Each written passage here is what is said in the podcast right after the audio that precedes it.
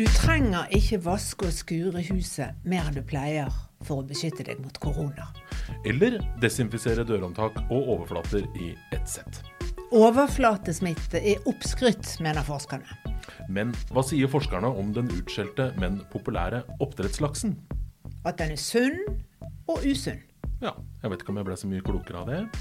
Ikke jeg heller. Men hvis du vil bli klokere på norsk politisk historie, så skal vi 100 år tilbake i tid. For da gjorde politikerne på Stortinget noe helt uventet. De vedtok åttetimersdagen. Enstemmig, og arbeidsfolk de jubla selvfølgelig. Men hvordan hadde det seg at de borgerlige partiene som hadde vært innbitte motstandere av kortere arbeidsdag i alle år, nå nærmest over natten ombestemte seg? Ja, Hvordan blei tolvtimersdagen plutselig historie? Skyldtes det liksom en akutt omsorg for sliterne? To statsvitere mener de har svaret. Dette er Forskningspodden. Jeg heter Anne Sundevåg, og med meg her i studio er redaksjonssjef i forskning.no, Bjørnar Kjensli. Vi begynner med en nyhet som kan gjøre hverdagen litt enklere for noen av oss, og kanskje dempe frykten litt. Grann. Ja, for vi har jo vært redd for at koronaviruset lurer overalt. At det ligger og venter på oss på et dørhåndtak eller i grønnsaksdisken. At det kan overleve på klær, på bordflater eller toalettskål. Ja, det stemmer nok det, at det kan overleve på ulike overflater en stund. Men det er likevel ikke så mange som blir smitta via sånne overflater. De aller fleste som blir smittet av koronaviruset, blir smittet av dråper med virus fra en person i nærheten. Som snakker eller roper eller gud forby hoster. Og så havner dråpene med viruset i munnen, nesen eller øynene dine. Så det er avstand som beskytter mest. Og det har vært for mye fokus på overflater, skriver en av redaktørene i det anerkjente forskningstidsskriftet Nature på lederplass. Han mener helsemyndighetene burde vært tydeligere Smitte fra overflater er veldig sjeldent. Veldig mange privatpersoner, organisasjoner og arbeidsgivere har lagt inn masse tid og krefter og penger på rengjøring av overflater. Og vi har hamstra håndsprit, og vi har skjerpa renholdet på busser og trikker og rundt om på arbeidsplassene, uten at det ser ut til å ha spilt noen stor rolle i å begrense smitten, mener forskerne da. Større avstand, flere munnbind og bedre ventilasjon f.eks. ville gitt mye større uttelling. Redaktøren i Nature mener at all fokuseringen på rengjøring av overflater har gått på bekostning av mer effektive tiltak. Og seniorrådgiver ved FHI, Nina Kristine Sorknes, innrømmer at Folkehelseinstituttet kunne vært flinkere til å informere om akkurat dette. God håndhygiene er viktig. Men vi trenger ikke vaske andre ting mer enn vi gjør ellers. Vi trenger ikke vaske hus og klær oftere, og vi behøver ikke vaske varer vi tar med hjem fra butikken desinfiseringa har liksom tatt litt overhånd. Så kjemiske desinfeksjonsmidler det skal bare brukes når det er strengt nødvendig, sier Sorknes. For de kan skade både helsa og miljøet. Så det holder med vanlig renhold. Men vi har et problem som det ikke finnes noen god løsning på. Og det er at munnbindet ikke dekker øynene. Ja. For øynene er også en inngangsport for viruset. Og den inngangsporten er undervurdert, mener forskere. Det er gjort en undersøkelse på dette i India. Der viste det seg at én av fem som arbeidet i hjemmetjenesten og brukte munnbind hjemme hos pasientene, likevel ble smittet. Men etter at de begynte med visir, som også dekker øynene, der var det ingen som ble smittet. Og det er selvfølgelig grunnen til at de som jobber på teststasjoner og på sykehus med koronasmittede, alltid bruker visir. Ja, og vi andre da, som ikke kan ta på oss visir når vi skal på Kiwi, vi får bare passe på å holde god avstand og håpe på det beste.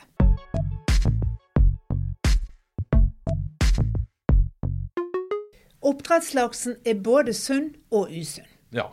Debatten har jo rast i årevis om hvor sunn laksen er når den ikke lenger spiser noe særlig sjømat, men er satt på vegetarkost i merdene. Det er det ene.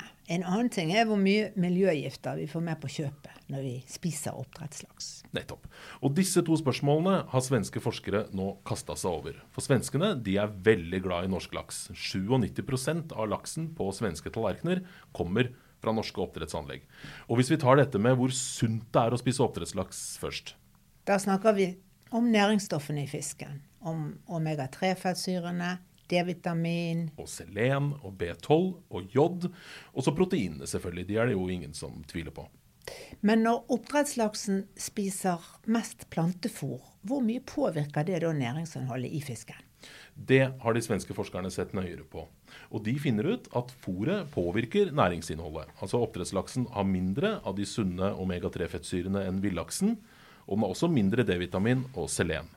Men det betyr ikke at oppdrettslaksen ikke er sunn, for det er fortsatt store mengder av disse viktige næringsstoffene igjen i fisken. Det er bare ikke så mye som i villfisken. Hvordan konkurrerer oppdrettslaksen med andre middagsretter, da, som kylling eller biff? Laksen slår rødt kjøtt og kylling når det gjelder alle de næringsstoffene vi nevnte, altså omega-3, B12, D-vitamin, jod og selen. Men til gjengjeld så inneholder jo kjøtt mer jern og sink. Og så var det miljøgiftene. Ja, da snakker vi om eh, dioksinene som hoper seg opp i fisken, og som så etterpå da hoper seg opp i oss når vi spiser den. Dette er giftstoffer som kan svekke immunforsvaret vårt og gjøre oss mindre fruktbare, kan være kreftfremkallende og endre hormonbalansen vår. Men likevel, da, den gode nyheten for lakseoppdretterne og for eh, dem av oss som eh, elsker laks, er at det har blitt mindre giftstoffer i fiskekjøttet etter at fisken ble satt på vegetarkost. Jøss. Yes. Ja, selvfølgelig. For dioksinene de fins i plankton og småfisk som laksen ellers ville spist. Ja, Men den dårlige nyheten da, det er at det fortsatt er en del miljøgifter igjen i oppdrettslaksen, selv om du får i deg mer dioksiner da, hvis du spiser villfanga feit fisk, enten det er villaks eller sild eller makrell eller ørret. Så Da de svenske forskerne målte, så fant de mellom 10 og 20 ganger høyere nivåer av dioksiner i villfanga laks fra Østersjøen enn de fant i norsk oppdrettslaks. Det er mildt sagt urovekkende. Så villfisken har mer av de gode næringsstoffene, men også mer dioksiner. Hva med de andre miljøgiftene, da, som tungmetaller eller plantevernmidler eller, eller antibiotika? Som det har vært så mye snakk om når det gjelder oppdrettslaksen. Ja, De svenske forskerne mener ikke at eh, det er noe stort problem. Eh, her er nivåene så lave, sier de, at eh, det er ikke noe helserisiko.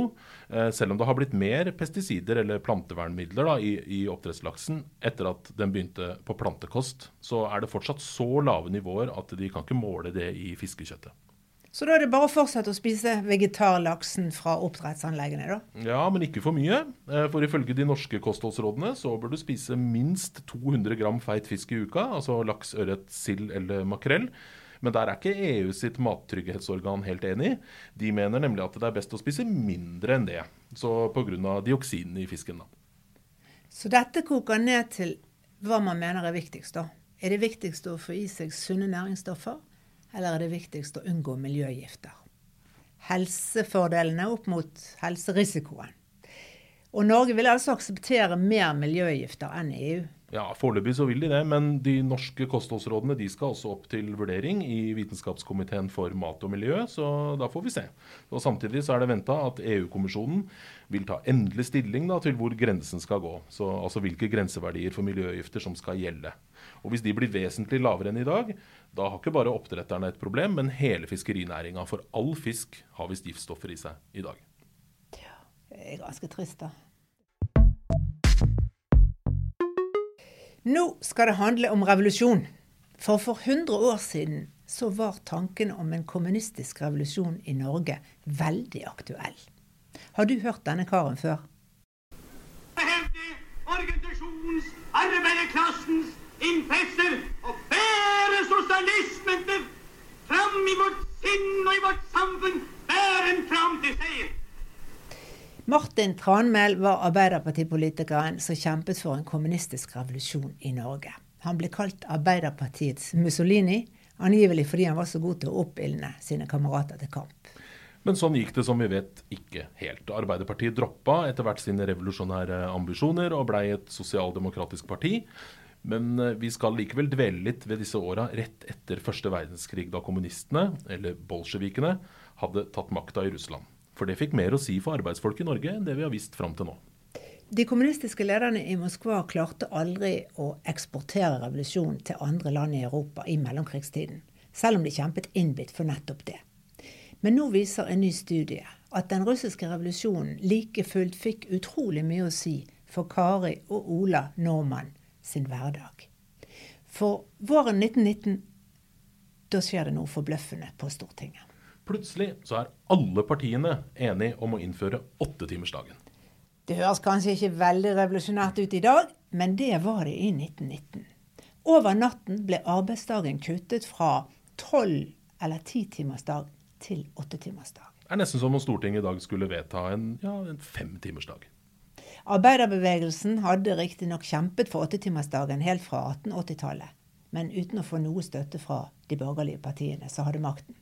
Men så altså, våren 1919, får Arbeiderpartiet plutselig ikke bare Venstre, men til og med Høyre med seg på å vedta denne viktige reformen. Og det på tross av at Høyre og Venstre hadde kjempet mot åttetimersdagen i årtier. Og ikke nok med det, de borgerlige partiene går med på flere sosiale reformer. Dette ble begynnelsen på utviklingen mot velferdsstaten. I tillegg går Høyre og Venstre med på å endre valgloven, som til da hadde favorisert begge disse partiene grovt. Så Arbeiderpartiet ble mer rettferdig representert på Stortinget. Ja. Og Det store spørsmålet er da hvorfor endrer venstre og høyre politikk nesten over natten? Hva i all verden er det som får dem til å gjøre så store innrømmelser overfor arbeiderbevegelsen? Det er spørsmålet. Vi må òg ta med at statsminister Gunnar Knudsens venstreregjering går så langt at han starter å utrede om all norsk industri bør overtas av staten. Og dette skal liksom være en liberal venstrepolitikk. Ja, og Historikerne de har pleid å forklare alt dette med at Venstre og Høyre rett og slett ble mer samarbeidsvillige overfor venstresida, og derfor mer reformvennlige i mellomkrigstida. Og mer reformvillige, det blei det jo, men hvorfor? To statsvitere ved Universitetet i Oslo, Magnus Rasmussen og Carl Henrik Knutsen, har en annen forklaring. De borgerlige partiene som satt med makten den gangen, handlet ikke ut ifra et ønske om å gi arbeidsfolk kortere arbeidstid. De handlet ut fra frykt. De var livredde for en kommunistisk revolusjon i Norge under Martin Tranmæl sin ledelse. Og de var ikke hysteriske. Dette var ikke grunnløst. Nei, for det som skjedde etter at bolsjevikene tok over makta i Russland i 1917, det var at Arbeiderpartiet blei et kommunistisk parti. Og det er den radikale Moskva-tro fløyen i partiet som vinner når eh, de skal vedta nytt partiprogram.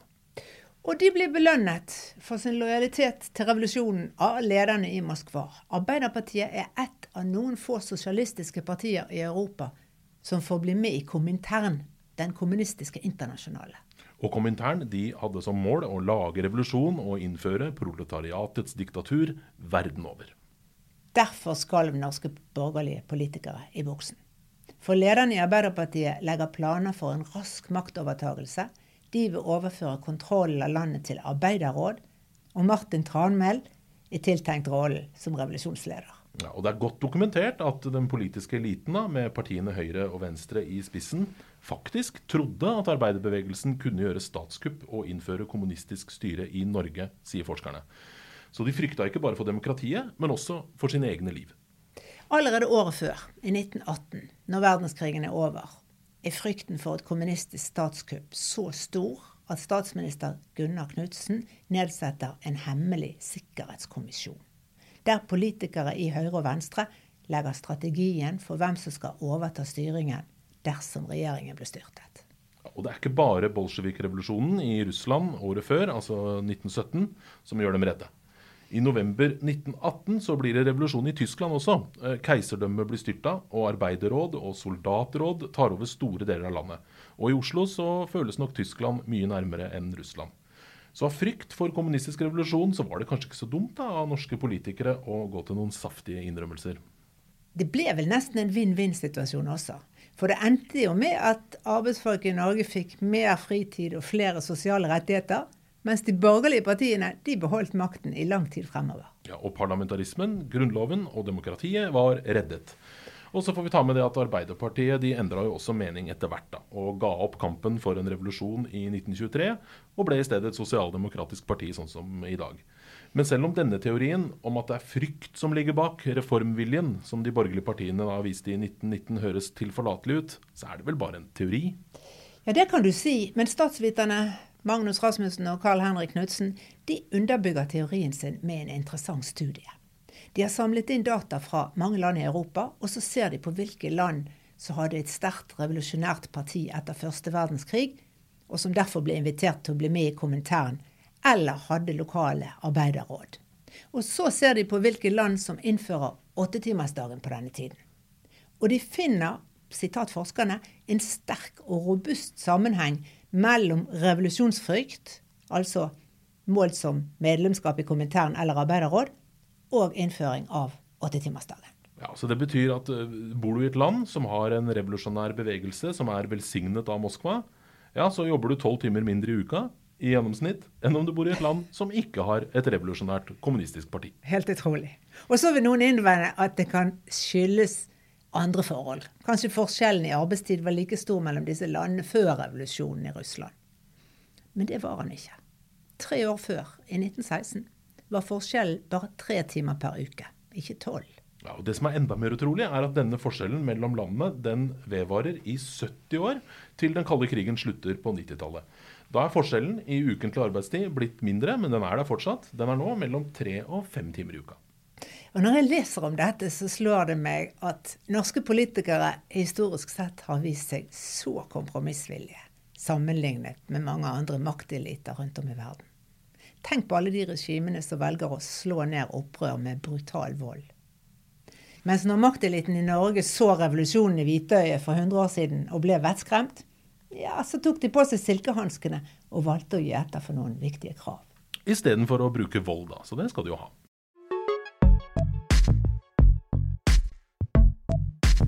Og med det runder vi av Forskningspodden, som er laget i samarbeid med forskning.no. Og vi er tilbake med en ny episode i april. God påske!